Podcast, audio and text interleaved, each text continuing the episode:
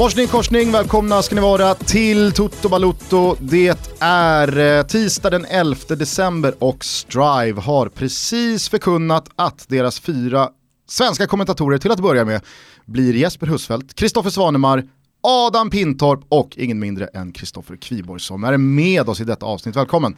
Tack! Tjena! Hur är läget? Tjena! Ja, men det, är, det är väl bra tycker jag ändå. Det har varit en, eh, en eh, omtumlande förmiddag här med mycket grattis och high fives och, och så vidare. Så att eh, ja, kul att inleda en ny resa såklart och kommentera lite italiensk och spansk fotboll. Det förstår jag verkligen och grattis från oss också. Ja, tack så mycket. Tack. Jag som ska tacka, håller på att säga. Vi tänker ju att det här inte blir något vanligt gästavsnitt utan snarare att du gästar ett vanligt avsnitt om du förstår skillnaden. Jag kör på, jag är redo. Jag förstod inte skillnaden men, men jag okay, det, finns ju, det finns ju vanliga gästavsnitt och ja, så ja, finns det en gäst som gästar vanliga avsnitt. Okay, ja, det har vi ibland också. Ja, då är jag med. Ja, Således så kanske det inte blir någon eh, faktaruta, därför tänker jag att en snabb recap på Kristoffer Kviborg är att du precis som eh, alla i det här rummet har tagit någon slags student eh, i fan-tv-skolan och sen varit eh, fotbollskommentator främst på olika mediehus i eh, upp mot tio år. Ja, jo men det stämmer nog. Det är nästan mer om man räknar in svenska fans-tiden som ändå låg före fan-tv lite grann. Men, men just... kanske inte så mycket kommentator där? Nej, nej, det var ju som skribent. Mm. Men det var väl svenska fans, det var ju där allting började. Och sen lyckades jag ju ha lite flyt där och tajmade ju in när, när det blev webb-tv och fan-tv. Så att uh, där ligger väl, som du nämnde då, uh, lite plantskolan då för många av oss i den här branschen. Så att, uh, jag är oerhört tacksam för, för den tiden på svenska fans och fan-tv och Dobb såklart. Sen så var det ju många år här nu nyligen på Discovery, eh, främst Eurosport, det var ju där vi var samtidigt. Det var mycket Bundesliga och tysk fotboll, främst tillsammans med Johan Arnäng då. Eh, det, det, det, är ju så för Bundesliga som rättighet och att det kanske i många år var din eh, främsta rättighet, att man blir lite undan gömd. Det är inte alla som kollar på den. Jag tycker ju att Bundesliga dels som rättighet är underskattat men att du som kommentator kanske är eh, den mest underskattade. Ja, tack vad snällt. Eh, alltså Bundesliga, wow, vilken underbar rättighet det var att jobba med och perfekt att börja med också. Som du säger så är den konstigt nog i Sverige lite undangömd. Jag tycker det borde vara flera svenskar som borde vallfärda och rikta sina blickar mer mot Tyskland kanske än andra länder. Eh, men eh, ja, det var, det, var, det var rätt smalt, det, det, får jag väl ändå säga. Och som du säger så var det kanske inte så jättemånga som tittade, men men att åka runt fyra år ändå på massa olika tyska arenor och framförallt med, med Johan Arning, det var ju en, en lärorik period såklart. Och jäkligt utvecklande. Men när man får göra så här 80-90 matcher per säsong, det är då man blir Eh, man blir bra om man utvecklas och det, det, har jag ju saknat såklart den sista tiden på Eurosport och deras rättigheter var lite mer urholkat.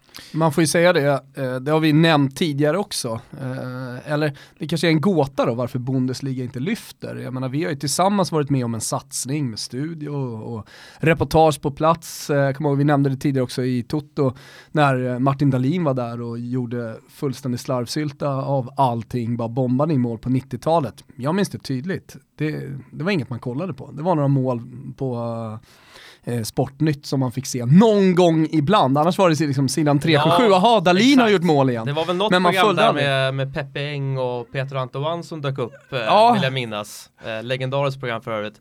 Men Peter Antoine utan eh, skor.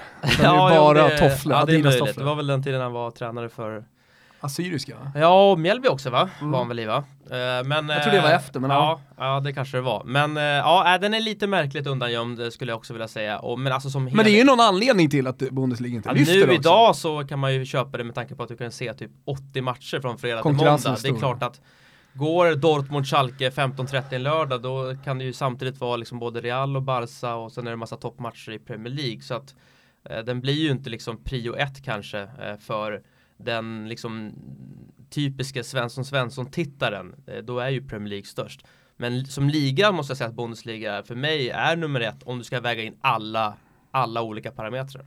Men nu blir det La Liga och Serie A hos Strive. Strive tog över äh, rättigheten, eller de, äh, de, de valde att köra rättigheten själv från och med mm. den här säsongen.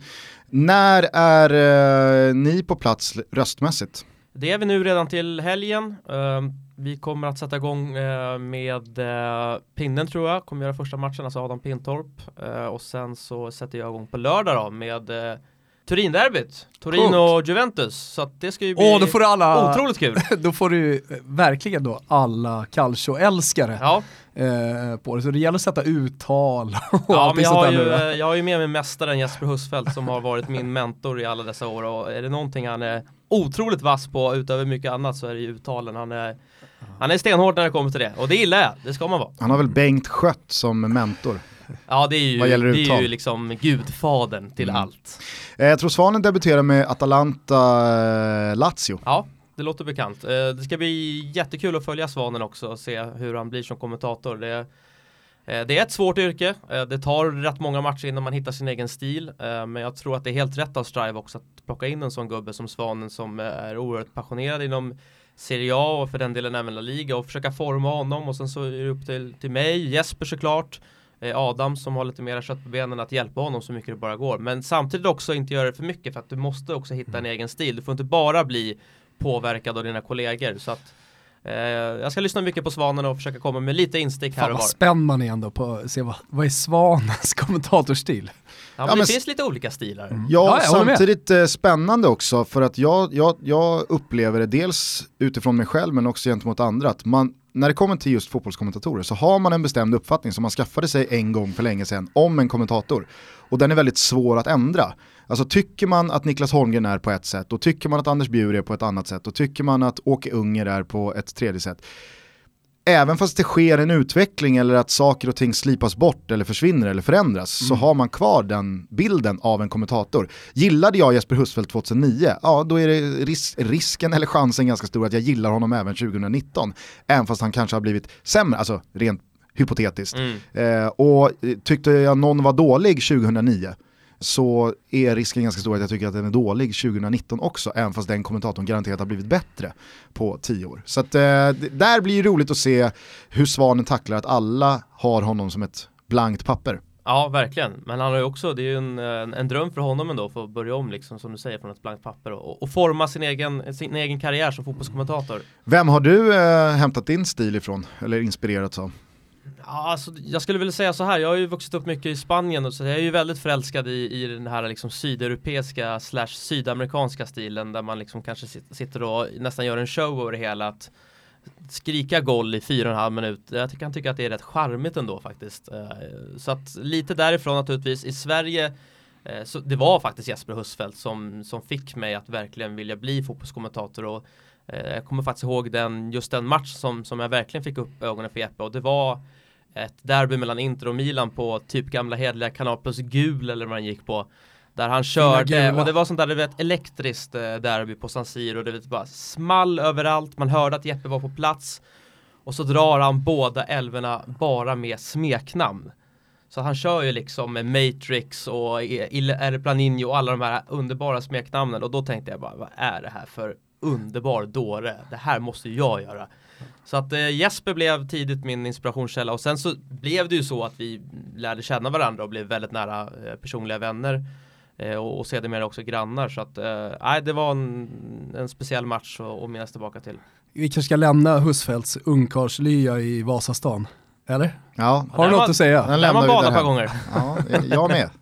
Har du också varit i badkaret där? Ja. Eller poolen? Tyvärr skulle jag faktiskt vilja lägga till. Ja, eh, jag tyckte också det från början för grejen var att Vem den där- bygger en den där jävla jacuzzi i Den där vardagsrummet? jäkla jacuzzin var ju så pass stor så att eh, Erik Fischbeins bolag då som byggde de här lägenheterna eh, som är också en kompis då till mig och Jesper Gamla Hammarby-spelaren. Precis, gamla allsvenska Hammarby-spelaren Han eh, meddelade ju mig då eh, typ någon, någon dag innan jag skulle flytta in Jag var ju väldigt sugen på att flytta in för övrigt eh, Att eh, Jespers pool var så jävla stor så att de var tvungna att bryta upp min vardagsrumsvägg För att skyffla in det där fanskapet så att min eh, inflyttning var två veckor sen Så att jag var, då var jag lite putt måste jag säga Ja, jag förstår. Men ni har ju som sagt att det händer grejer borta hos Strive. Redan till helgen så har vi lokal kommentering. Kviborg, Husfeldt, Pintorp och Svanen rullar igång här nu eh, från, eh, vad, vad sa vi, fredag? Eh, Ja men det borde det bli Mm. eh, Jag ska inte svära på att det är så men jag har för mig att jag läste det någonstans Och man ser alltså alla matcher från La Liga och Serie A för endast 79 kronor i månaden. Första veckan är gratis, det är ingen bindningstid. Eller så skyfflar man upp en femhunka, då får man 365 dagars passet. Eh, det här gör man via strivesport.com eller genom appen som finns där appar finns. Mm, och jag ska säga det också, att det har betatestats en app för Apple TV, det är många som har frågat om det och även till Android. Eh, den väntar på godkännande just nu hos eh, eh ja, Apple och Android, så det, det, det är på gång. Jag har noterat att du på sistone börjat slänga dig med uttrycket beta.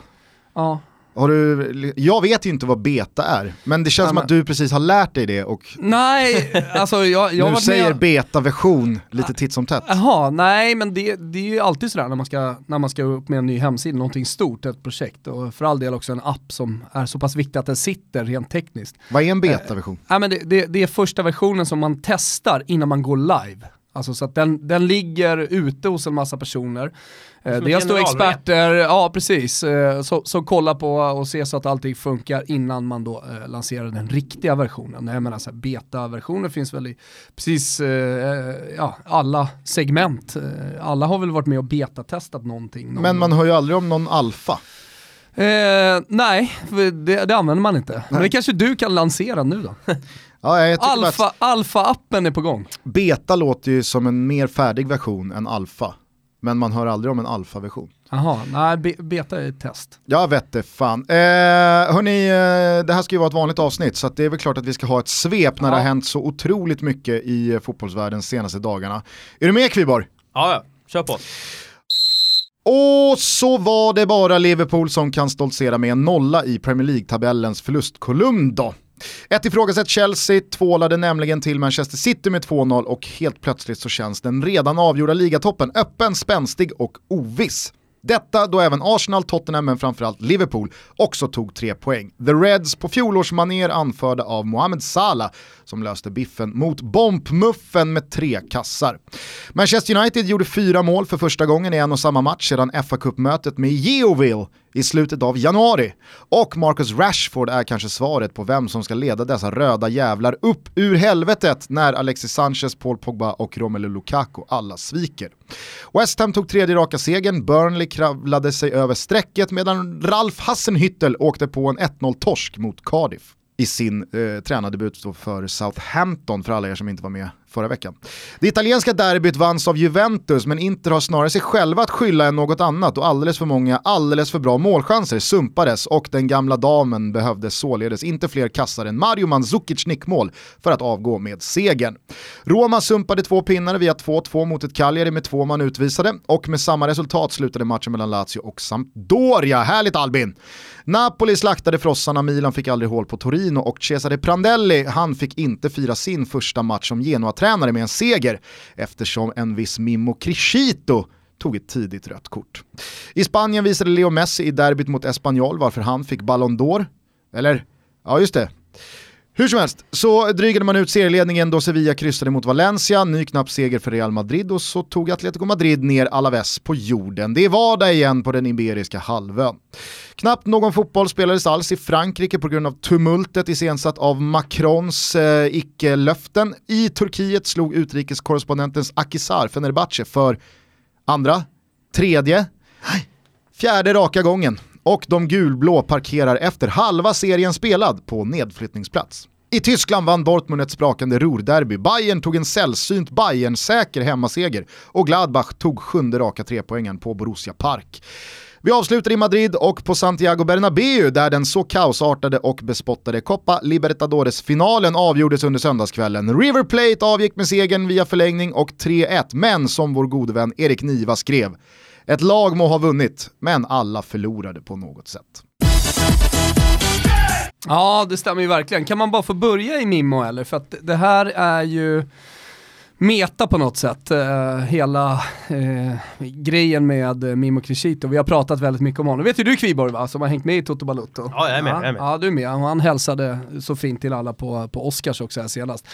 Ja, men det vi gjorde oss lite lustiga över var ju inför EM 2012 när Mimmo Crescito skulle vara med och han blev då på något konstigt sätt inblandad i spelskandalen. Han hade väl käkat lunch med... eh, Med eh, s- eh, Spoj, eh, Spolly höll jag på att säga, eh, med eh, Scully. Scully, Beppe Scully, som eh, är då systerson till den största bossen i en drangetan eh, Puglia maffiaklanen nu som breder ut sig över hela Italien. Hur som helst, eh, Mimmo hade ju inte gjort någonting, men man hade fångat honom på bild. Så italienska polisen gjorde razzia på Coverciano. Det här är ju helt otroligt. Det är som att de skulle rusa in på park och liksom klippa Micke Lustig. Vår teori är ju att Crescito, han tjatade ju sig med på den här lunchen för att Scully är lagets coola kille. Ja, och Crescito vill hänga med den coola och till slut så sa Scully, "Ja, häng med på den här jävla lunchen. Och det kostade Crescito platsen i EM12. Ja, det var ju så jävla kaosartat allting inför det här mästerskapet och man visste inte vad som var sanning och vad som inte var sanning, vilka som var kopplade till det här. Det kändes ett tag som att alla på något sätt var med. Så det var väl inget konstigt att man plockade ett par landslagsmän. Men det var ju alltså Mimo Crescito som ja, drabbades hårdast då. Visade sig efter bara några veckor att han har ju absolut ingenting med den här spelskandalen att göra. Eh, det var i alla fall eh, Cesare Prandelli som tog beslutet, självklart tillsammans med förbundet, att peta honom med liksom ett par veckor kvar till att EM drog igång från truppen. Så han missade då sitt enda mästerskap som han hade chans att spela. Och nu då när eh, Genoa sparkar Ivan Juric och tar in Cesare Prandelli så blir det första gången som de möts igen. Tänker man, ha hur ska det här bli då? 11 minuter tar det, så klipper Crescito ett rött kort. Och så Cesare Prandelli då lite som tränare. frustration där då. Jag vet inte frustration, nu, nu har jag sett det där röda kortet, det borde nog kanske inte ha varit rött kort, men det spelar ingen roll. Alltså den ansträngda relationen, den märkliga relationen mellan Cesare Prandelli och Crescito fortsätter i alla fall. Det här måste ju du suga i dig som en svamp av, tills när det är dags för dig att kommentera Genoa. Och Crescito och Prandelli dyker upp Ja, den här samtidigt kommer jag ju, den här kommer jag ju dra nu såklart. Ja, Men sam samtidigt ska man se upp, eller hur, som kommentator med den typen av information. Alltså det får inte bli för mycket menar jag. Nej, man Ja. vill ju helst ha den eh, mer bekräftad också, även fast jag litar på vad du säger Thomas. Så, Men det är ju perfekt läge att dra när det blir något avbrott i en match. Alltså de grejerna. så är det. Sen är ju italienarna väldigt starka på att filma in massa legender på läktaren också. Ja. Där är de ju otroligt starka. Eh, vi eh, kommer ju som utlovat hålla lite extra koll då på Cesare Prandelli, men även Ralf Hassenhüttel. Eh, kort bara, du som har följt eh, Leipzigs uppgång i Bundesliga och då med Hassenhüttel vid rodret. Vad, vad är det här för tränare? Ja, jag tyckte de spelade en otroligt imponerande fotboll med, med Hassenhüttel. Det var ju han och Ralf Rangnick där, sportchefen som har varit både sportchef och tränare eh, som rattade det där Leipzig. Eh, framförallt taktiskt så tycker jag han verkar väldigt klok. Han spelade ju någon sån här jättekonstig 4-2-2-2.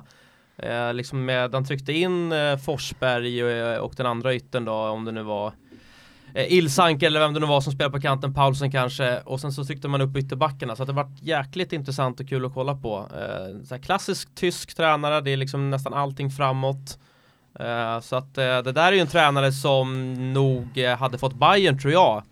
Om han hade haft lite mer tålamod och väntat lite för jag tror inte att Kovacs blir långvarig på den posten och Hassenhüttel hade ju varit som klippt och skuren för Bayern.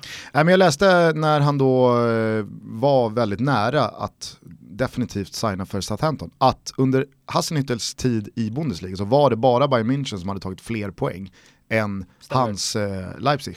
Och att det var ganska långt ner till eh, tredje laget. Måste också säga att eh, då flög verkligen Leipzig, det var kul att kolla på dem. Forsberg passade ju perfekt under honom. Eh, nu går det inte riktigt lika bra, nu ligger man där i toppen såklart, men det, men det är inte samma karaktär på Leipzig idag. Och sen tänker jag bara, ja, nu ska han ta Southampton, jag menar, Leipzig var ju byggt som ett topplag då för Bundesliga, även om det gick fort för dem att ta sig dit från Zweite och så vidare. Eh, men kommer den här fotbollen funka i England och kommer den funka med det materialet som Southampton har? Ja, det är ju man det som undrar. blir otroligt intressant. Min, min spontana känsla är att det inte kommer funka med det. Det lilla jag har sett av Southampton i år så känns ju som att de är en rätt klar kandidat till att trilla ur. Jag blir jätteförvånad om Hassenhüttel är tränare i Southampton efter sommaren. Ja men dessutom sätta en prägel på lag på så kort tid också. Jag Ja. menar Leipzig jobbar med. Samtidigt så måste ju Southampton skärpa till sig. Alltså de kan ju inte fortsätta att ha tränare i Kan inte 5, gå 6, sämre. 7 månader. Nej men nu- nu är det, vad, vad, vad är det sen, eh, eh, sen Pochettino lämnade? Är det sju tränare på fem år? Ja, ändå finns det klubbar som är betydligt värre än så, men det är klart Absolut, att det, jag det är menar bara bra att så här-. När ska Southampton lära sig att äh, det här kanske inte är vägen uppåt i tabellen? Alltså nu har man testat Mark Hughes och man har testat eh, eh, Pellegrini, Pellegrino. Eh, alltså vet, man har ju haft det italienskt eh, i ägarstaben och i styrelserummen. Kanske är det att man har varit inspirerade därifrån. Eh, men alltså där är det ju vardagsmat. I England så blir det ju att man höjer på ögonbrynen när man, när man ser den här typen av statistik. Ja, Puel fick också ett halvår max. Eh, hur som helst, eh, någonting som i alla fall inte funkade det var ju att avsluta den här Copa Libertadores-finalen i Sydamerika och i Buenos Aires. Man fick spela på Santiago Bernabéu. Du har ju en väldigt eh, stark koppling till både Spanien eh, och Madrid. Mm. Eh, hur, hur, har det här, eh, hur har det här spektaklet landat? Spanjorerna var nöjda. Det finns ändå en stor logik i att eh, om nu den där matchen, returmatchen, inte ska spelas i Buenos Aires på, på Rivers hemmaplan så finns det en logik i att den går i Madrid för att Madrid är en stad med otroligt mycket argentinska eh, invånare helt enkelt. Så att eh, där finns ju intresset och det var det enda logiska europeiska valet att spela finalen på. Så att Genoa gjorde ett försök. Ja, ja men det var många utvandrare ja. från Genoa till, det finns ja, många italienare i, eller med italienskt ursprung i, i Argentina mm. Eh, och många kom då från Genoa. Så att nej men eh, och sen så Real Madrid var ju jäkligt kåta på att ha den här finalen också. Det har ju bombades ut på eh, Real Madrids olika sociala medieplattformar att den här matchen skulle gå på Bernabéu så att de var väldigt stolta så att spanjorerna är nöjda. det var väl också så vitt jag kunde se fullsatt och jäkligt bra stämning så att sett till det, det krig och kaos som rådde eh, inför den här matchen i, i, Argentina så var väl det den bästa lösningen. Sen att det inte var en bra lösning, det kan jag väl köpa. Det är klart att det är ett jäkla minus för, för, för sydamerikansk fotboll att inte kunna arrangera en sån här enormt stor match utan att det blir kaos. Eh, Nej, bra att den spelas tycker jag ändå. Samtidigt så blev det ju här liksom nödvändiga ontet en fortsättning på sån här det har väl främst varit supercupfinaler. Eh, Italien vet jag, alltså Milan-Inter möttes väl i eh, Kina, eller Tokyo någonstans för några år sedan. Alltså att det var inte tänkt så här från början men att det kanske öppnar upp möjligheten att ja, vi kanske ska fortsätta hålla på och flytta vissa matcher till andra världsdelar för att det funkar onekligen. Såg att Barcelona alldeles nyligen sa nej då till La Liga att spela i, I USA. Ja, det är en Var på La Liga, eller det Ja, men alltså en ligamatch, för det har också varit på tal. Det, det, jo men man ser, man ser ju NHL, eh, de startar väl en två, tre omgångar i Europa numera, ja, sen ganska många år tillbaka. Det är amerikaner och det är ishockey och det finns väl ett annat tänk med det, men, men just... Och många europeer också. Just, men just om vi snackar liksom Copa Libertadores-finalen, det är klart att man hade kanske spytt lite extra i munnen om den matchen hade gått i, liksom i Qatar typ. Eh, jo men så här, hade halva laget som det är i, i eh, eh i NHL hade halva laget bestått av olika typer av europeer. Ja. Då, då hade det ju varit en sak, men jag menar nu består ju inte lagen av liksom, folk från Qatar eller från Kina Nej, eller för, man... från USA, och plus att man skulle spela mitt i. Ta, ta Supercoppa-matchen till exempel. Eh, den spelas ju innan säsongen börjar, så det blir en upphottad träningsmatch. Ungefär vad jag tycker att en sån match ska vara också. Så det, då gör det inte riktigt lika mycket. Vad är det för jävla titel? Community Shield och så vidare. Mm. Community Shield, ja det heter så va? Ja, det ja, som spelas det innan... Det i alla fall. Ja, Charity Shield eller ja, Community Shield. Ja, ja, så, så, spelas innan Premier League drar igång, veckan innan brukar det vara. Ja. ja, nej alltså jag... jag eh, Bara Mourinho som står och liksom, håller pokalen upp. Jag tror att eh, det här, alltså så här, det kan få en negativ rekyl där. Att säga, ja fan det kanske är, vi kanske ska testa, alltså, och, och eh, fr från då europeiskt håll köra en final någon annanstans. Det kan ju bli så, absolut. Men det är klart att eh, nu har ju inte sydamerikanerna gjort det bästa skyltfönstret av att de kan faktiskt arrangera den här typen av matcher med tanke på, på det kaos som rådde i Buenos Aires. Nej, det ska ju mycket till för att det ska klubbas igenom att, ja men vad fan ska vi inte köra på Bombonera då? I Buenos Aires, där, ja, då, där, där, flyger ju arrangemang. jag tror snarare att vi kan få se ett scenario med att eh, typ El Clasico då, Real Madrid-Barcelona spelas typ i Miami eller sånt där. Det, det är väl det som är mest troligt. Det var ju en jävla match i alla fall, eh, gaspedaler från båda håll. Eh, såg ni Quinteros 2-1 eh, mål? Ja, vilken strut. Alltså det är, så, det är så sydamerikanskt det målet. Ett sånt där avslut ser du inte i europeisk fotboll. Ja, det, ytterst, det, ytterst sällan. Det vanligaste sydamerikanska avslutet är ju ett långskott ribba in. Ja, och just att den går ribba in, men, men han har så många andra mer rimliga avslut att ta i det läget. Men han ska böja upp den med någon liksom wobbelvrist i första krysset istället för att dra den europeiskt med insidan i bortre. Ja, men jag kommer ihåg, ofta är det ju så att de gör de här grejerna i Sydamerika, så kommer de till Europa, då är det som att de tappar tappar det, eller så blir det bortcoachat eller någonting. För han var ju Pescara och sen var han i Porto och man väntade på att det skulle lyfta för att han var ju verkligen uppburen talang i Sydamerika. Men så gjorde det inte det, kom tillbaka till, eh, till Argentina och så helt plötsligt så hittade han tillbaka till det där. Det är något i luften. Mm. Det var lite snatchskott, men vet du vem som drog ett snatchskott i helgen? Eh, Rashford. Jajamän. Har du noterat Marcus Rashfords snatchskott? Eh, nej det har jag inte gjort, men däremot har jag kommenterat Marcus Rashfords första tävlingsmatch i Manchester United på plats på Old Trafford. Midtjylland? Det, precis, mot Midtjylland ja, när en, en helt okänd Rashford skulle ersätta om det var Martial tror jag som gick sönder på uppvärmningen. Eh, så kom Rashford in, fick man sitta och googla. Gjorde det rätt bra va? Jag tror han gjorde två mål. Ja. Ja, det var, jag minns den där debuten också, det var ju otroligt. Och som jag skrev här i svepet, alltså Rashford är månne svaret på den här offensiven som har sett så styltig och sett så hackig och sett så krampig ut eh, senaste året. Ja, det är möjligt. Eh, men är han inte en brännare av rang dock? Jo, men vem är inte det då i det här laget? Ja, men alltså, man, alltså, ja, det är ju en fantastiskt bra spelare såklart, men man vill ju se en lite större jämnhet, att han kan vara sådär bra över en mm. något längre period. Nu känns det som att han, han vaknar till liv vart sjunde, vart åttonde omgång. Eh, och för att bli liksom topp, topp, då, då, måste det komma en, en, längre streak av poäng från Rashford och att han får spela från start också såklart i, i flertalet matcher i följd. Jo, men jämför man också hans insatser med då en Alexis Sanchez eller en Lukaku eller varför inte Paul Pogba eh, så går det ju att absolut argumentera för att var sjunde match är ju faktiskt, det är bra i jämförelse. Ja, i alla fall om du jämför med Alexis Sanchez. Eh, herregud, vad har hänt med den karriären? Noterade ni för övrigt eh, högerbacken i Manchester United senaste veckan, Diego Dalot? Ja, det, han kostade väl en slant va? Portugis va? Mm. Mm. Löstes i somras. Eh, jag har inte sett eh, en eh, bildruta av honom för den senaste veckan här. Gjorde väl ett inhopp mot Southampton, sen så fick han start mot Arsenal och sen nu i fulla matchen så var det ju show mm. längs högerbacken. Och Mourinho säger efteråt att ja, det här kan vara Manchester Uniteds högerback i tio år framöver. Då måste man ju känna som 19-åring att man har gjort en bra vecka. Ja det är svårt att få ett större plus än så kanske. Ja, Va, så du... ja, ja, otroligt bra. Alltså det, det, är också kul att se andra positioner än offensiva eh, yttrar, höll jag på att säga, eller målskyttar. Lite också centrala mittfältare, det är ofta de som höjs.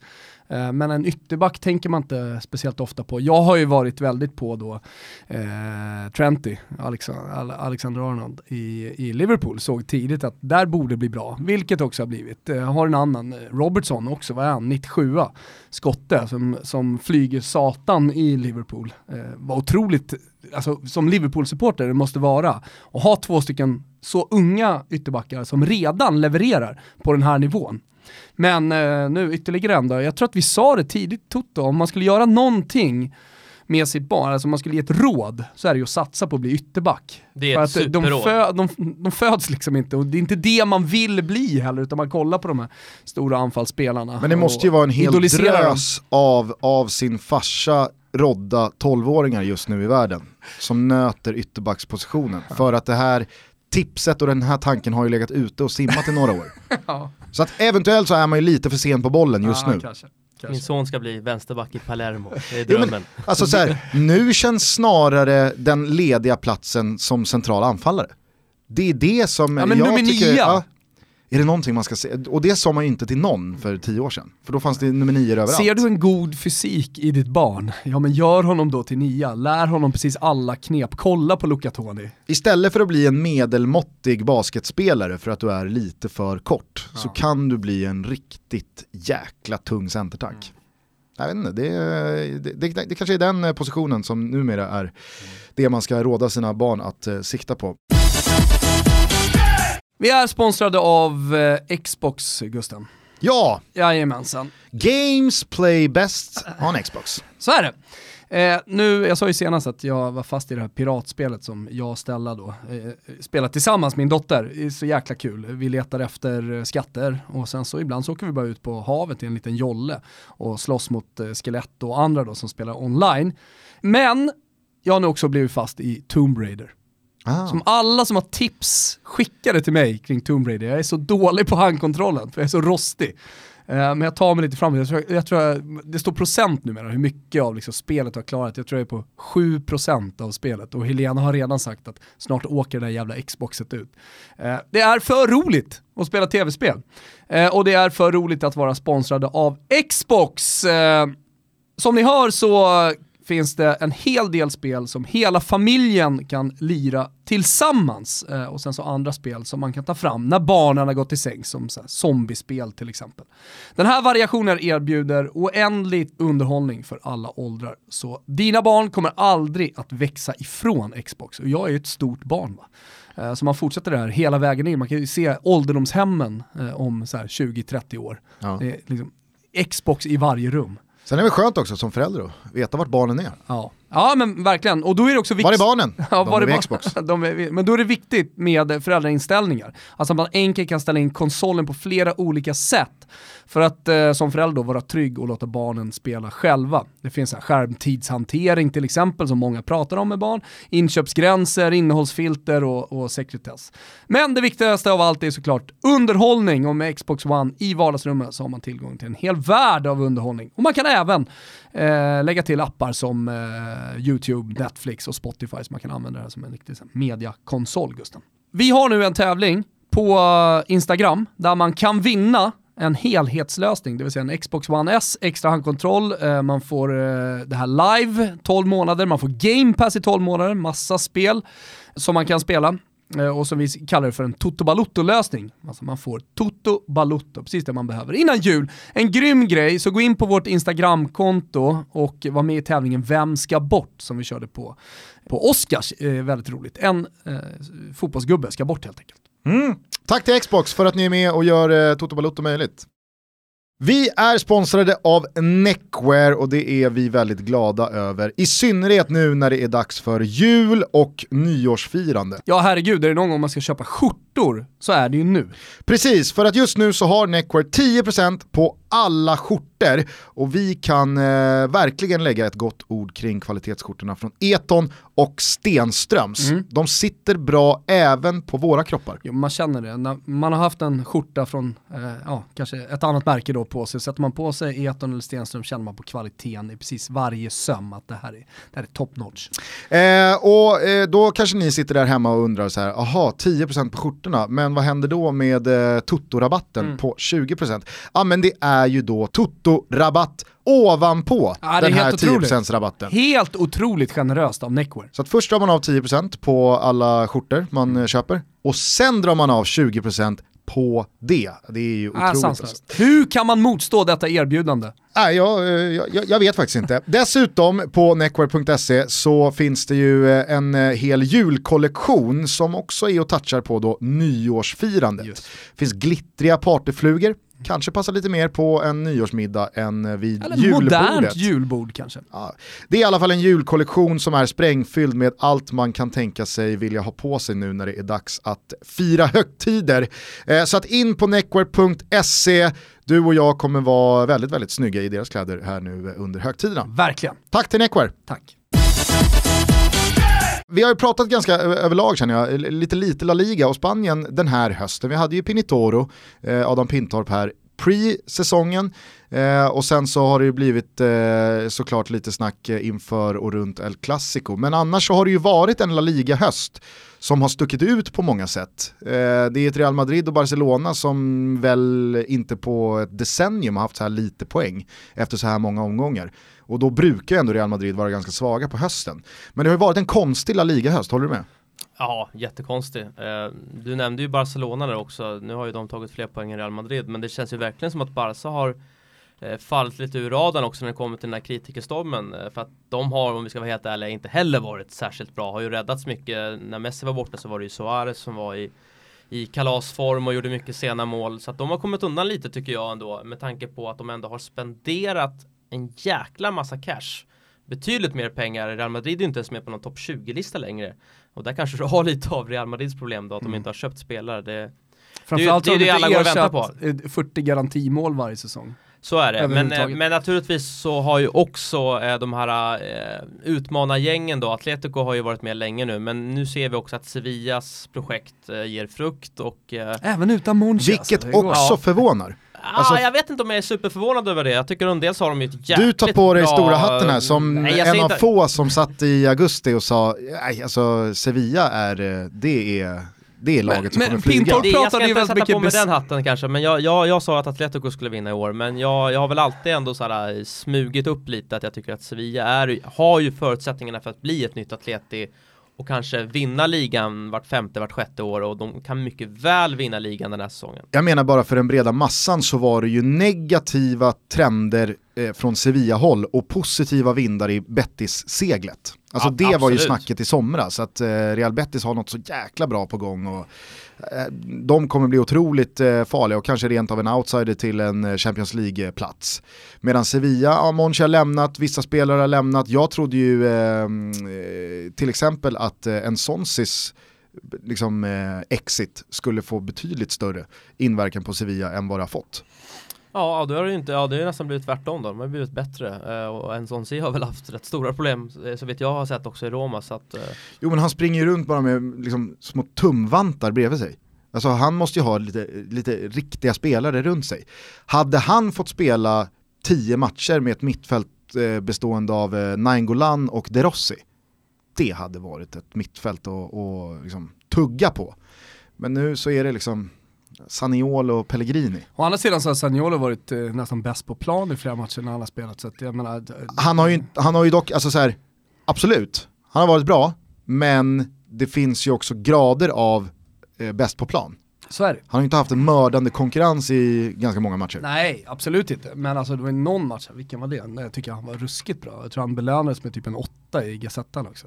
Han har gjort Så fina att, insatser mot ja. Real Madrid. Ja, Eh, men eh, ett, ett lag som Alaves har ju också, eh, och Celta Vigo till viss del också, plockat en jäkla massa Esp- poäng. Men Espanyol har väl också gått rätt på, nu har väl Alaves börjat dippa lite men Alaves har ju gjort det superbra så jävla väntat. Eh, ja, är- naturligtvis. De, de har ju inte en jättebra trupp. Det är ett mittenlag definitivt. Men där ser du ju också faktiskt kontentan av att ha en väldigt bra tränare. Nu har ju de Abelardo som är en gammal en gammal storback i, i Barcelona och en extremt skicklig taktiker. Så att eh, du kommer faktiskt väldigt långt med att och, liksom träffa rätt på tränarposten. hur ser du på Guidettis situation? Snudd på ohållbar skulle jag nog säga. Eh, Igen. Ja, nej men tyvärr. Eh, det räcker ju liksom inte att bara ha det här eh, liksom kämpa och att det liksom det, det ser schysst ut i något inhopp då och då. Han måste ju få spela kontinuerligt och nu har ju alla väst gått väldigt, väldigt bra. Det är klart att det blir svårt för Guidetti att peta Eh, exempelvis då Kajeri som, som nu är helt ordinarie istället då. Så att äh, jag eh, tycker väl att det kan vara läge att, att snegla kanske mot en annan liga eller ett, ett mindre gäng eller varför inte ta en ny start i, i Segunda Division. Där finns det många bra klubbar på väg upp. Eh, Det tror jag inte jag kommer göra. Alltså, det är Nej, mycket det är pengar klart att han eh, har förmågan att kunna liksom ta, ta, eh, ta igen och ta tillbaka sin plats, absolut. Men eh, jag vet inte, det har gått lite för lång tid tycker jag nu utan att det händer någonting. Ja, och jag tror också inte att man ska underskatta vad målen svart på vitt gör för en spelare aktier när man ska ta sig vidare. Alltså när Guidetti kom till Alaves så hade han ju de här målen i Europa League och i kuppen och något mål i ligan i Celta Vigo att peka på. att Sett till antal minuter jag spelar så har jag ändå gjort en helt okej skörd med mål. När han då kom till Celta Vigo så hade han fortfarande de där målen i Feyenoord att peka på. Han hade gjort en helt okej sejour i eh, Celtic att också hänvisa till. Men nu, det, är, alltså, det, det, det smäller inte lika högt att säga nej men jag har inte gjort några mål för jag har inte fått spela. Det gör ju att klubbar och sportchefer ryggar tillbaka för att du vill ju ha konkreta kassar att peka på och att visa att ja, men, det här är en målskytt. Ja men så är det ju. Jag tror att han gjorde väl 9-10 mål på runt 40 matcher då i Celta. Eh, däremot var han faktiskt rätt bra i spelet i Celta, det måste jag säga. Konstigt nog ändå för alla väst spelar en fotboll som jag ändå tycker skulle passa John rätt bra. De spelar med hög press, eh, väldigt fysiska, de är ett av de lag som springer mest i La Liga. Det bör ju kunna passa John eh, bättre kan jag tycka, men det gäller ju att han tar chansen såklart. Han måste ju helt enkelt, som du är inne på Gustav, han måste ju göra mål när han Mm. väl får chansen. För det är ju det man faller tillbaka på med en anfallare. Ja, och jag vet att det har jag pratat jättemycket med Albin om genom åren och det har han sagt också att skillnaden mellan att spela i ett Siena eller ett Cagliari och när det är dags att börja röra sig därifrån få anbud från den övre hyllan, alltså de klubbarna som prenumererar på Europaspel och som eh, slåss om de platserna i parti och minut och att få erbjudande från en hylla lägre som kanske är med mittenlag eller de slåss för överlevnad. Det är ju poängen, även fast man i Albins fall är en tvåvägsspelare som håller till centralt på mittfältet. vars huvudsakliga uppgift eller en sekundär uppgift är att göra poäng. Men det gör sån jävla stor skillnad att komma ur en säsong i hans position med fyra mål och fem assist på kontot snarare än inga mål och en assist. Målen han gjorde på San Siro mot Inter, jag menar, de gjorde ju skillnad för honom när klubbarna sen kom och man visste att kontraktet hade gått ur och han var bossman. Det blev sedermera Hamburg, men som Klette sa, det, 16 klubbar låg, Roma var en. Så att eh, det, det, hade ju inte hänt om man inte hade gjort de målen. Nej, och jag menar... landslag för hans del också, självklart, men ändå. Mm. Nej, men så att eh, de, där, de där målen tror jag är, de kommer ha stor inverkan på Guidettis kommande framtid. Om den så är kvar i Alaves eller om det är en ny klubbadress, det återstår väl att se. Men jag tror att man kommer märka att oj, nej då. Ja, och det är ju en sak om kampen står liksom mellan bänkplats eller plats i startelvan. Men nu är ju Johns kamp läktaren eller bänkplats. Det sjuka är att det är samma sak i landslaget. Mm. Inte läktaren då, men i alla fall bänkplatsen. Alltså han, han lever en fotbollsvardag oavsett om han kommer hem eller om han är i Alaves. Att sitta på bänken och sen så få tio minuter och gå in och kriga. Exakt, det är ingen Toivonen. Nej, det, exakt. Och jag menar, han, han är på väg att bli ihågkommen. Nu är han fortfarande bara, vad är han, 26?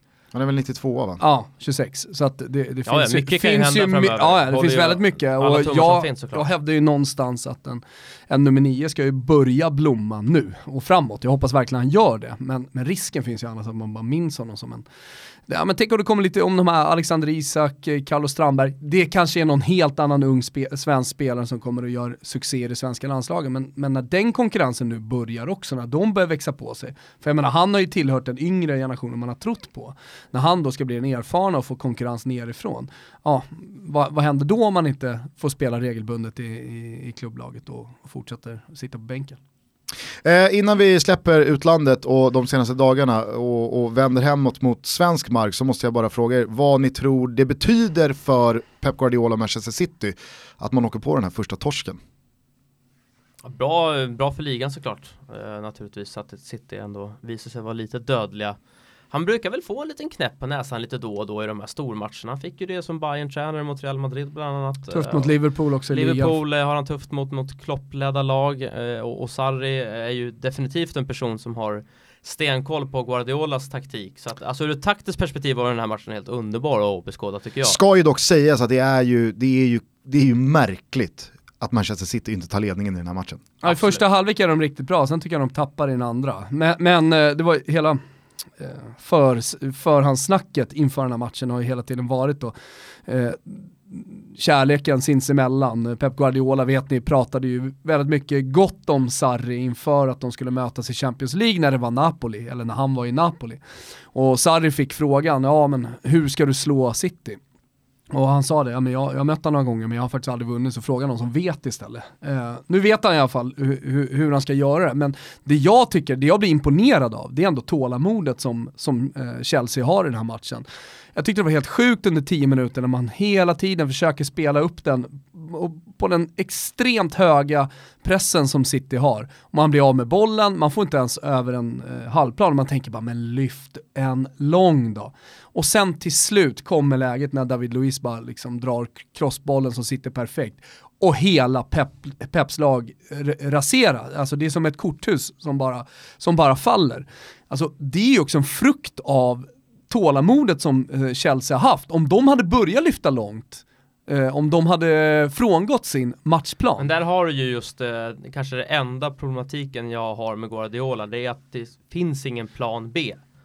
Eh, nu plan A funkar ju 98% av gångerna, men när de väl inte funkar i den här typen av matcher, då har han väldigt svårt att förändra matchbilden och det är som att han liksom hellre gräver ner sig själv eh, att eh, byta taktik och ta en långboll eh, än att liksom fortsätta med den här eviga liksom tiki-taka bollinnehavsfotbollen. Nej men sen ska också och sägas. Men bryter du den, mm. då, då har du en god chans att slå ett eh, Guardiola-lätt lag. Men sen ska också sägas, jag menar, precis som Gusten inleder med, så man, nio gånger av tio så leder väl eh, City innan Chelsea gör mål i och med att de ändå har eh, så, så pass farliga chanser. De har inga riktiga skott som sitter i stolpen och så, men de har, de har så mycket. Kommer ju våg efter våg ja, men kommer, våg. Precis, och de vinner bollen högt eh, och med de skickliga spelarna som sitter har så, så borde en i alla fall letas in.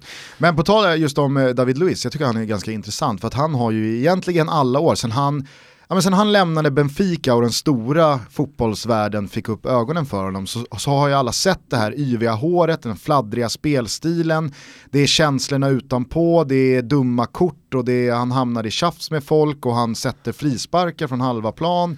Alltså han är väldigt yvig, han är väldigt mycket och det, det har alltid känts som att ingen förhåller sig ganska svalt till David Luiz utan antingen så tycker man att han är helt fantastisk eller så tycker man att han är ja, den, den, den fladdrigaste säkerhetsrisken som vandrar på två ben.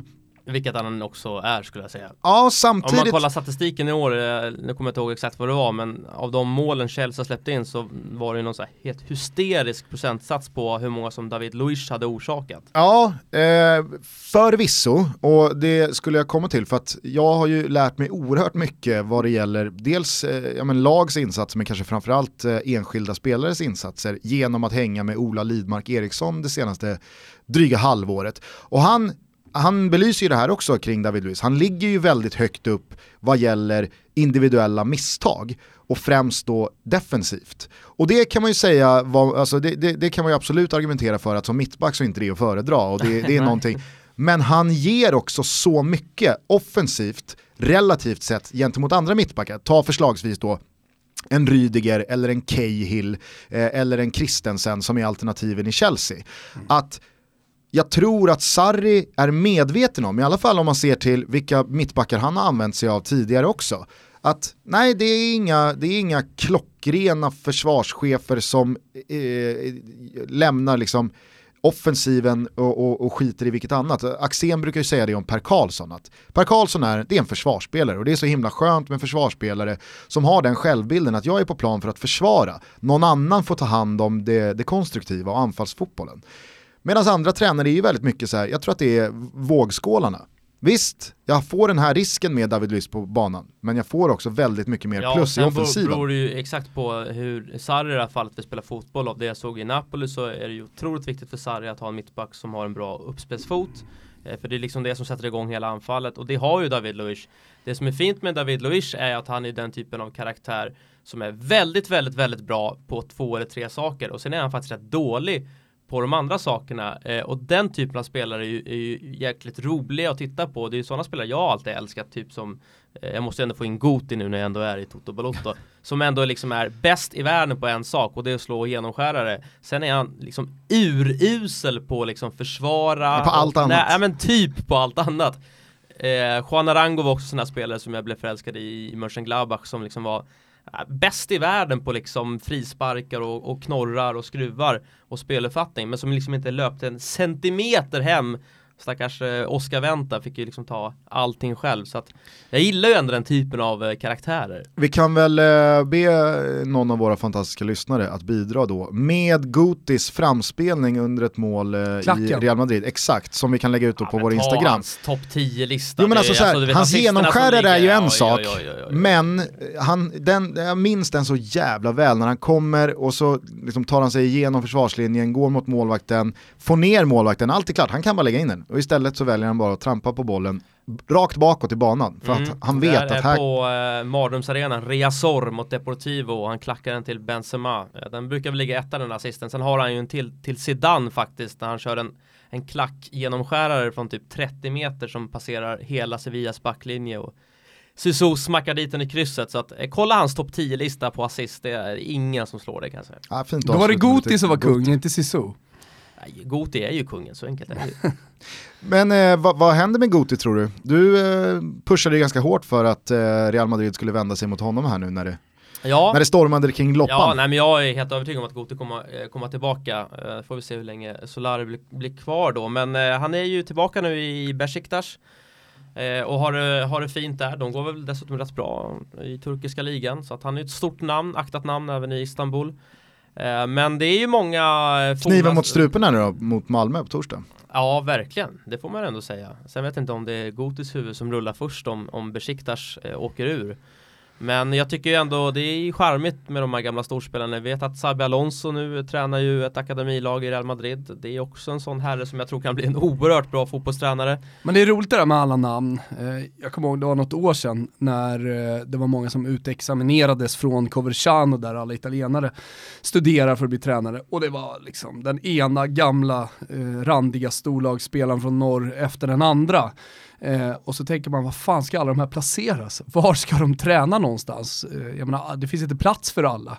Och nu börjar det bli lite så med den generationen som var stora mitten på 10-talet här.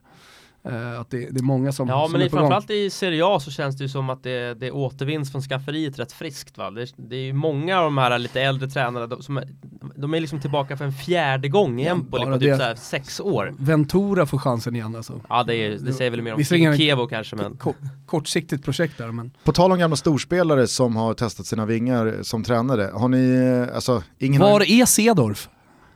Äh, men han, Deportivo eh, nej nej för han fan, ju, eh, eh, han i alla kör ju, ja men nu kör han väl, är det Kamerun? Är det- Var det inte de Han kör, mindre ett, han landslag? kör ett eh, afrikanskt landslag med Kluivert. Inledde väl det Väntar man ju bara på att de kommer dröm. missa Afcon och sen är det tack och hej. Ut mot Det är nära, nära till savannen. Ja. Därifrån i alla fall. Eh, nej men eh, ingen har ju såklart missat Henris första tid som eh, huvudtränare i Monaco. Det har ju gått käpprätt åt skogen. Men har ni sett här nu på sociala medier under eh, tisdagen att eh, han gör succé för sin disciplin gentemot de unga bortskämda Så fotbollsmiljonärerna. befriande härligt att be den där 17-åringen att ställa in stolen efter dig, Också så, snorunge. också så otroligt låg ribba för att bli liksom hjälteförklarad. Det som händer är att eh, Henri sitter på presskonferens med en av sina unga spelare i Monaco inför då kvällens Champions League-match. Presskonferensen är slut, de går därifrån, spelaren skjuter bara ut stolen och går. Henri kallar tillbaka honom med bara en blick och visar att du glömde något här va? Stolen ska skjutas in. Applåd Henri. Jo men alltså, det är så jävla, det är så jävla liksom, det är så låga Så, tänker krav. att alla, så där tänker jag att alla tränare gör. Jo men eh, ni kommer, alltså, så här, ni kommer väl ihåg eh, Janne också, San Siro. Mm. Han plockar, eh, han plockar upp lite tejp i omklädningsrummet efter att Sverige har säkrat VM-platsen. Det blir typ en större grej än att Sverige har Alltså, gått det till var ju en sak att japanerna... Jättebra Janne! Ja, Alltså, när här, japanerna jätte- städar sin egen läktarsektion i Jo men det var en hel jävla läktarsektion, de har med, svarta, med sig svarta Eh, sopsäckar. Älskar mig, japanska Ja. samhället ska ju Jo, efter, men eftersträvas Jan- på alla sätt och vis. Att Janne plockar upp benskyddstejp, det är en sak. Men... Ja men jag tror att det är farligt att hylla vanligt hyfs Ja. för mycket. Jo. För det blir liksom så här, det, det, det understryker Det bara en, eh, en, en riktigt vilket helvete vi lever i. Ja, så är det. Det finns ju en underbart härlig herre eh, som heter Christian Streich som har tränat Freiburg i 100 år. Cyklar till hemmamatcherna. Ja precis, riktig bohem och så han, han cyklar ju då till träningar och hemmamatcher eh, och så var det någon journalist som mer eller mindre indirekt liksom tyckte att han var dum i huvudet för han cyklade. Eh, Var på då Strikes svarade att det har varit perverst de hade kört en ny BMW 600 meter till arenan. Man, man älskar ju ändå den typen av karaktärer. Ja verkligen. Ja, men alltså, det Tom, behövs mer sånt. Tommy Söderberg är väl eh, kanske det bästa svenska tränarexemplet då. Han var- har ju alltid liksom, en, en, en kvast i handen kändes det som. Tommy efter, Söderberg, efter vilken han- seger som helst. Nu känner ju du honom och han är nära vän till familjen Gustav, men, men när jag tänker på Tommy Söderberg så känner jag lukten av omklädningsrum. Är det inte också ett av de absolut bästa klippen som finns när Sverige har gått vidare där mot Turkiet i VM-kvalet och han går från total eufori till total ilska Ja, när han det- får det- ett mynt i huvudet. Nej, han får väl en ficklampa tror jag. Varför nu Ficklampa. någon har en ficklampa Ja, på Ali. Samien är det inte bara så här en uh, goggel-kikare? Möjligt. Ja. Det som är liksom, alltså det som är det eh, shitet i det vi En pratar om nu, i i det klippet, det är ju att slutsignalen går. Sverige har ju vänt underläget till två, att det är väl Andreas Andersson som nickar in sista på tilläggstid. Exakt. och man är klar direkt, platsen till VM 2002 är klar. Alla springer in. Söderberg vänder efter 10 meter för att läkarväskan kan ju inte ligga kvar på bänken. Tänk om någon snor den. Så han vänder ju och hämtar läkarväskan. Tre kylpåsar och... Ja, är underbar, Här ligger ju- underbar man. Här ligger ju läkarväskan och, och, och bara drattar runt. Den, den måste ju någon ta hand om. Älskar Tommy. Nu börjar det hända grejer kring Östersund och eh, inte minst då eh, ordförande Daniel Kindberg. Åtal är väckt. Är det någon som sitter och trycker på eh, brottsrubriceringen? Det är väl fyra olika? Ja, grovt bokföringsbrott va? Och sen är det väl kallas det för trolöshet? Trolöshet. Mot eh, huvudman? mot- ja, något sånt ja, där, Något sånt. Ja, det var, så var det några saker till. Jag såg Hur som att Pettersson eh, på Fotbollskanalen hade skrivit väldigt mycket om Ja, det. han har bra Ja, koll. Gå in och läs där. Ja, verkligen. Eh, och de här detaljerna, dels från eh, liksom, utredning och förundersökningsprotokoll och förhör och sådär. Jag vet inte hur bra poddmaterial det är, jag tror att väldigt många som lyssnar på det här har den stora bilden klar för sig.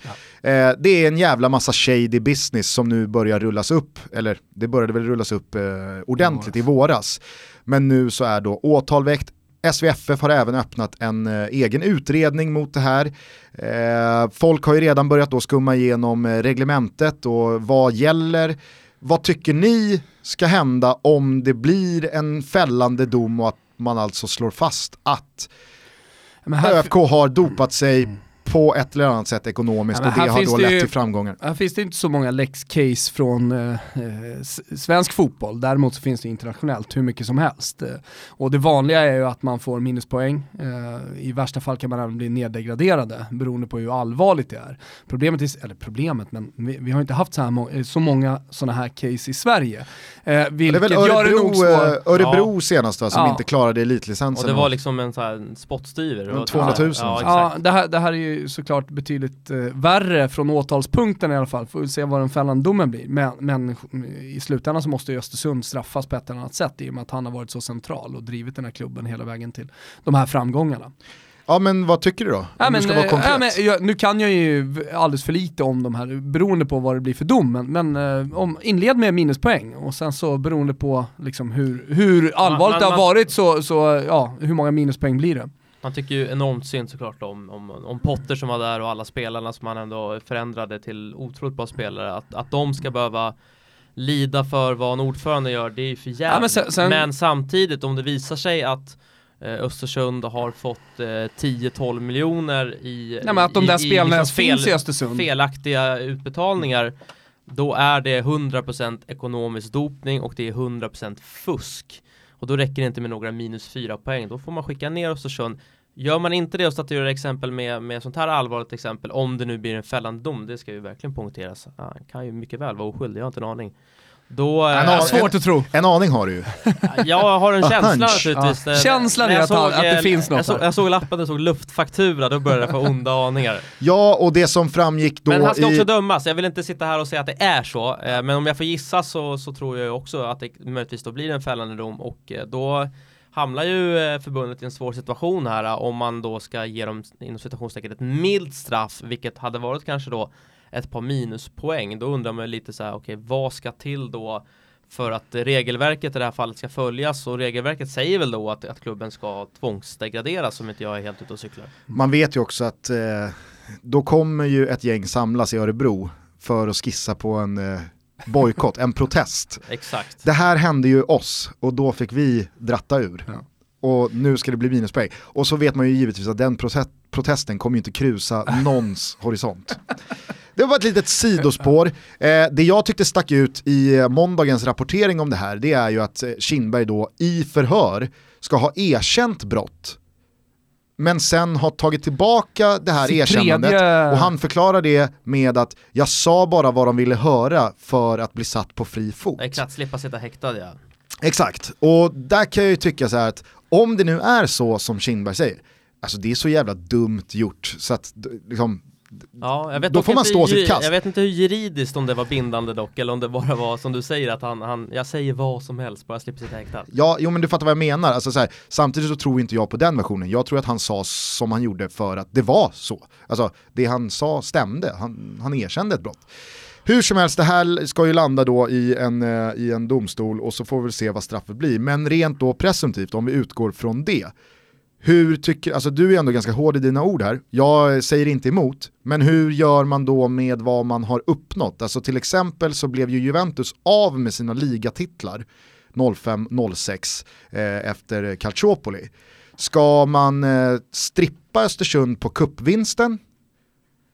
Vad tycker ni? Ja, den är väldigt svår. Räcker, alltså, måste man verkligen göra allt det här på pappret då? Räcker det liksom inte på något sätt vara liksom folkets Väldigt dom många blir? supportrar kommer ju kräva, Är det, alltså till andra lag. står, är det viktigt vad det står på Östersunds wiki-sida? Alltså är det inte liksom folkets generella dom som ändå kommer att gälla? Oavsett, oavsett eh, beslut, oavsett vad vi tycker. Eh, alltså, jag, jag tycker att ku- kuppen tyvärr, den, den får de inte. Även om man ska vinna titlar på planen. Utan den, den går till, eh, vilka var det som var i final? Norrköping. Norrköping. Den går till dem. Alltså, och Hunten och Jensa. det, det gör jag för att eh, Ding ding ding. jag måste ändå, måste ändå säga att jag under alla de här åren efter Calciopoli liksom har, har stått fast vid att jag tycker att Juventus ska ta sig ifrån sina ligatitlar eh, och eh, har fått ta en hel del skit från, från Juventus-supportrar för det. Därför måste jag ju stå fast vid det och inte ändra på mig. Sen så kan det ju bli så att man någonstans ändå tycker att det är fel och så här. Men det, jag, tror, jag tror också att problemet är att det inte finns något hundraprocentigt bra beslut här. Eh, det är lite som eh, vi inledde det här avsnittet med att eh, Erik Nivas bevingade ord då, att det finns inga vinnare utan det finns bara Nej, men det förlorare. kommer ju bli orättvisa Så, oavsett hur så du att, vrider det. eh, eh, framförallt här finns det ju bara en jävla massa förlorare. Ja, och jag är verkligen på samma bana som Kviborg i att man, att man ömmar för Potter och spelarna som har gjort det så otroligt bra på planen. För att oavsett om det kom in en eller fem eller tolv fuskmiljoner i kassan så gjorde ju liksom Sotte och Ken Sema och Ghoddos och Curtis Edwards och de här spelarna på planen så var ju deras Ja. eh, Europa Ja, alltså, League-framgångar allting, det, alltså det här har varit Sportsligt så, Problemet sportsligt så kan ju jag Ja. emotionellt isolera det från Ja, bokföringen. men problemet är att Men de det hade går ju inte, inte. Nej, för problemet är att de kanske inte hade spelat där. Exakt, man inte hade gjort det, det, går ju inte. Nej, exakt. Men det jag ska säga är, återigen, liksom, för mig så är det lite av en petitess, det här med vem får kuppokalen, vem får den inte. Eh, och, och delvis för att alla Östersundsspelare kommer fortfarande känna den här kuppen som sin.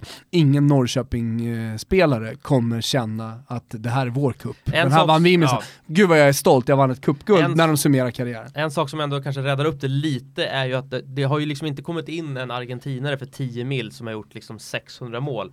Utan det har ju varit sådana här Bachirou och Sotte och alltså egentligen liksom breddspelare från rätt taskiga klubbar. Ghoddos.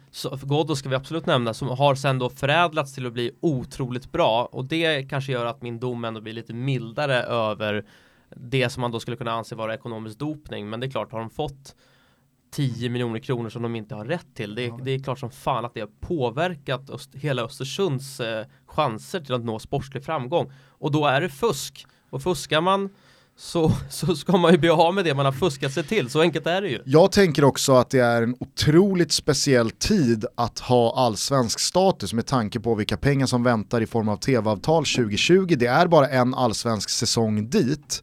Alltså, därför kan jag tycka att lag som har gjort rätt för sig och som inte har sysslat med några som helst tveksamheter, de förtjänar ju att få sin rättmätiga chans till att spela allsvenskan 2020 och ska Östersund då antingen via minuspoäng i allsvenskan eller flyttas ner i superettan och något lag inte ska få den platsen i superettan.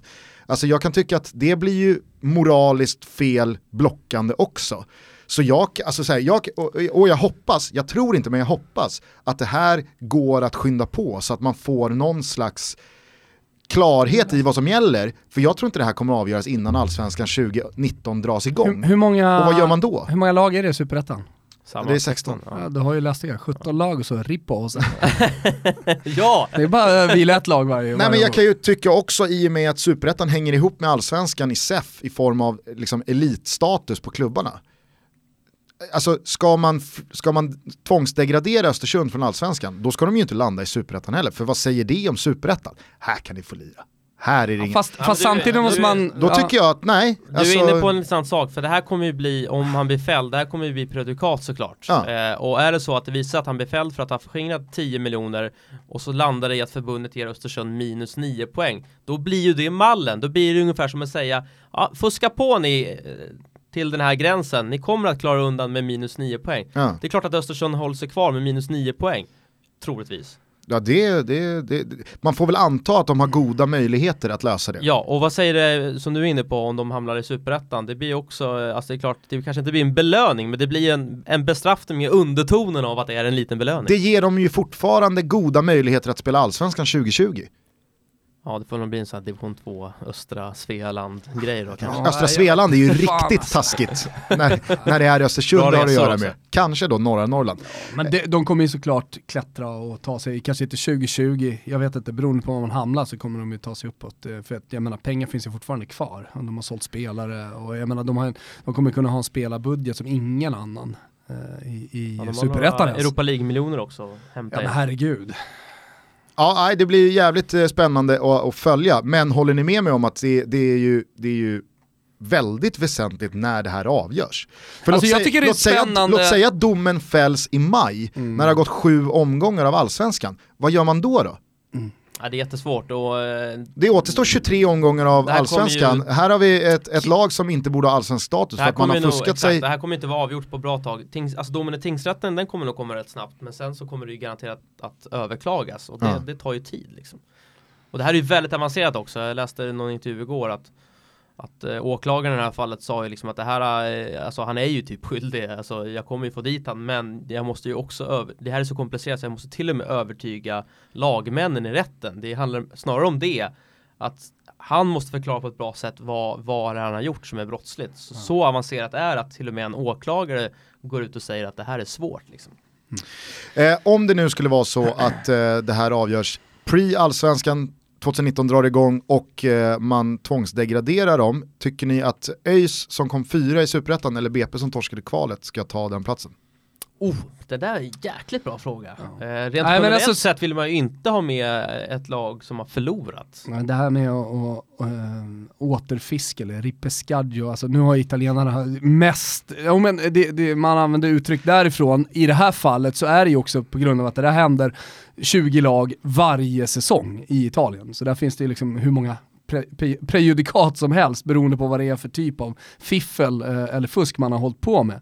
Eh, jag menar bara att eh, eh, alltså där kollar man också lite på så här, klubbens potential. Vilken klubb har faktiskt potential? Nu är det väl inte så jävla stor skillnad på BP och ÖIS, kan jag tänka mig. Och att Support, båda har poten- supportermässigt eh, så är det ju en enorm jag skillnad i jag potential. Jo, men när man, när man kollar på potential så kollar man eh, kanske inte speci speciellt mycket på hur stor eh, liksom supporterskaran är, utan man kollar på hela klubben och vad man har för förutsättningar. Men jag säger bara, i det här fallet så är det inte så stor skillnad, utan de, de måste, det, det kanske redan finns i regelverket. Jag har ingen aning. Nej det verkar inte göra. Nej, okej. Ja, nej. Vad jag, hände när ÖSK åkte ur då? Vad, vem fick den platsen?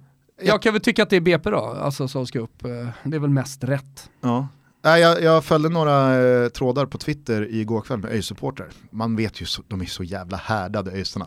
För där är ju, där är ju Fast liksom, de är inte så nej, Gaisarna. nej men där är konsensus att, fast vi är inte redo.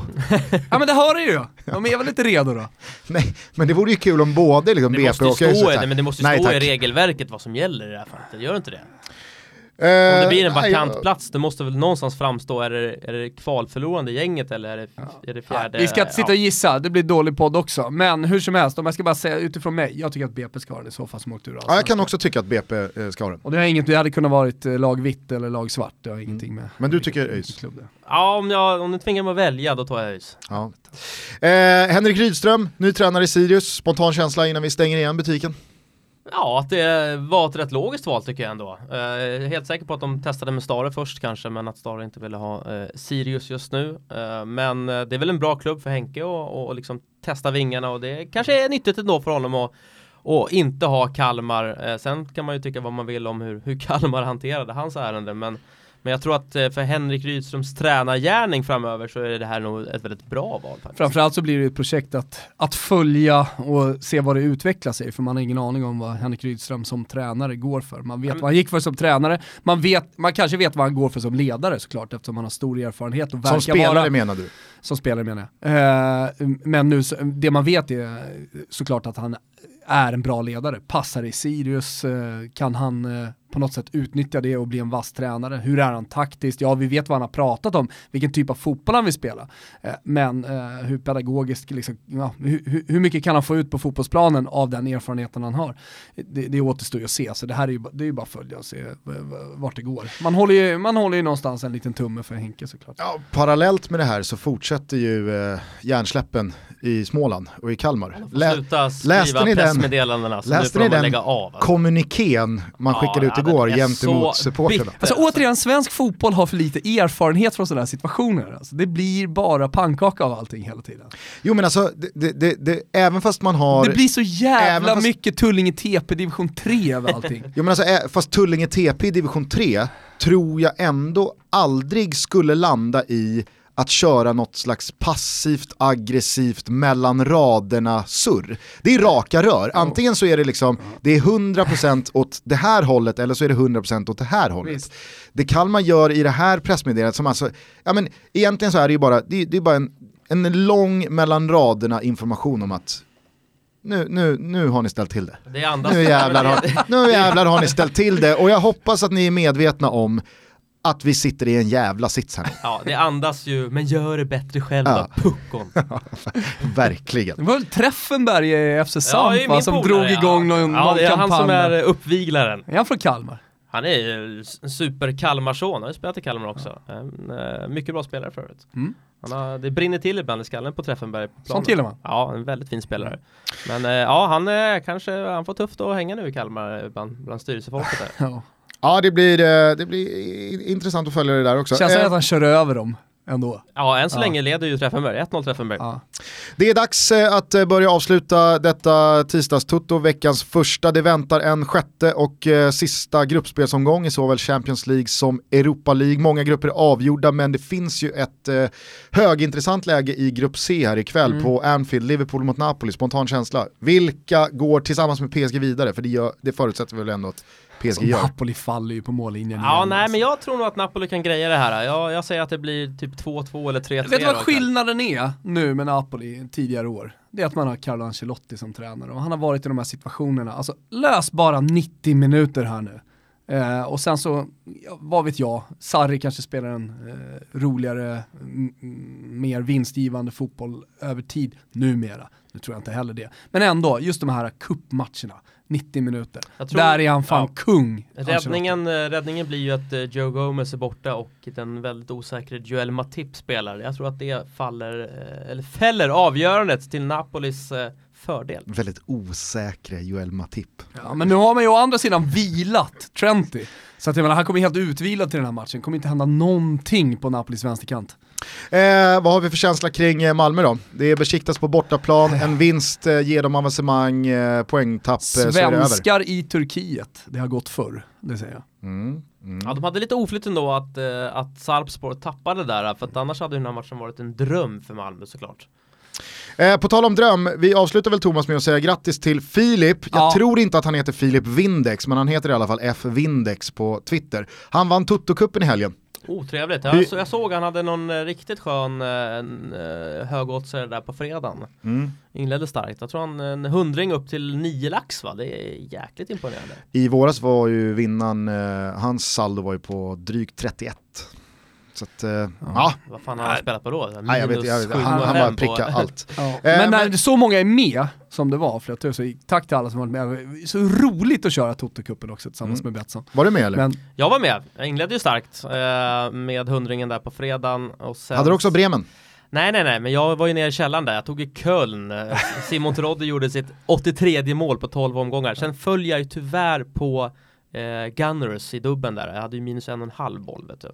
Aha. Jag hörde att de var usla mot Huddersfield. Så tyvärr, tyvärr. Men jag hade nog åkt dit på någon söndagstrippel där tror jag. Jag hade en trippel i huvudet där, men jag tror två av tre satt. Så att, eh, Ja, jag åkte också under lördagen eh, och av det oerhört digra utbud som dukades upp under lördagen så valde jag att eh, lägga min dubbel i Championship. Men du satte överspelet va? Ja, Med råge? Norwich-spelet satte eh, jag, men eh, Rotherham, eh, de... de Nej, eh, fan att du där ja, verkligen. håller på! Världens mest svårtippade liga för Championship. Jag Alltid tycker inte det. heliga Jag sta- tycker inte det, men jag ändå så torskade du på Championship. Men ja, jo, inte absolut. det. Ja, men vad fan, du, har- du har nog torskat ett eller två spel i Italien Ja, du och i känner Serie att du, så är det. att du Så är det, så stark. är det. Man sätter inte 100%. Ja, nej, men grattis till Filip som utöver sina drygt åtta lax eh, vinner eh, flyg och hotell och matchbiljetter till Old Trafford och eh, Manchester United-Liverpool i Mm. februari. Ni hör ju själva, det är bara att vara med nästa gång eh, vi kör Toto-cupen för det är superfina priser. Mm, godbitar och boostade odds nu inför Europa på Betsson ska ni hålla koll på. Och full stripe såklart på Twitter. Det kommer lite sköna tävlingar så att man kan vinna lite abonnemang och möjliga saker. Inte bara tävlingar, jag skulle faktiskt rekommendera Strives Twitterkonto för de är, de är bjussiga med att skicka ut mål Mm. och eh, highlights från eh, matcherna i La Liga och eh, Serie A i så här, väldigt kort anslutning till att det händer. Mm. Mycket, mycket bra. Ja, snabba. Eh, stort tack för att du var med oss idag Kviborg. Tack själva. Lycka tack. till här nu då när eh, Strive eh, tar nästa steg mot världsherravälde. Ja, det ska bli superkul och eh, lyssna gärna då på, på lördag. Vad sa vi då? Derby della Mole. Jajamän. Härligt, härligt. Oklar byggnad i Turin. Ja. Ja. Alla, alla italienska, oavsett vilka lag som möts i Serie A så finns det ett underbart namn som, som liksom Definiera ramar, in, ramar, ja, ramar in matchen. Vad vill du eh, rama in det här avsnittet med för 80-talsdänga? Oh, får man välja en låt? Jajamän, oh, herre, jag, räcker inte med att jag är musikansvarig på, på kontoret då? Du får även välja låt här. Alltså, Mm. ge mig tre sekunder till så säger jag att jo det räcker. Och så tar vi någon annan låt. Ja okej, ja nej men då får jag väl eh, damma till med någon så här riktigt eh, gammal eh, skön klassiker då. Ska vi köra eh, Down Under med Men at Work? Det är ju en klassiker. Ja, varför inte? Eh, morsning korsning, vi hörs igen på fredag. Ciao tutti! Ciao tutti.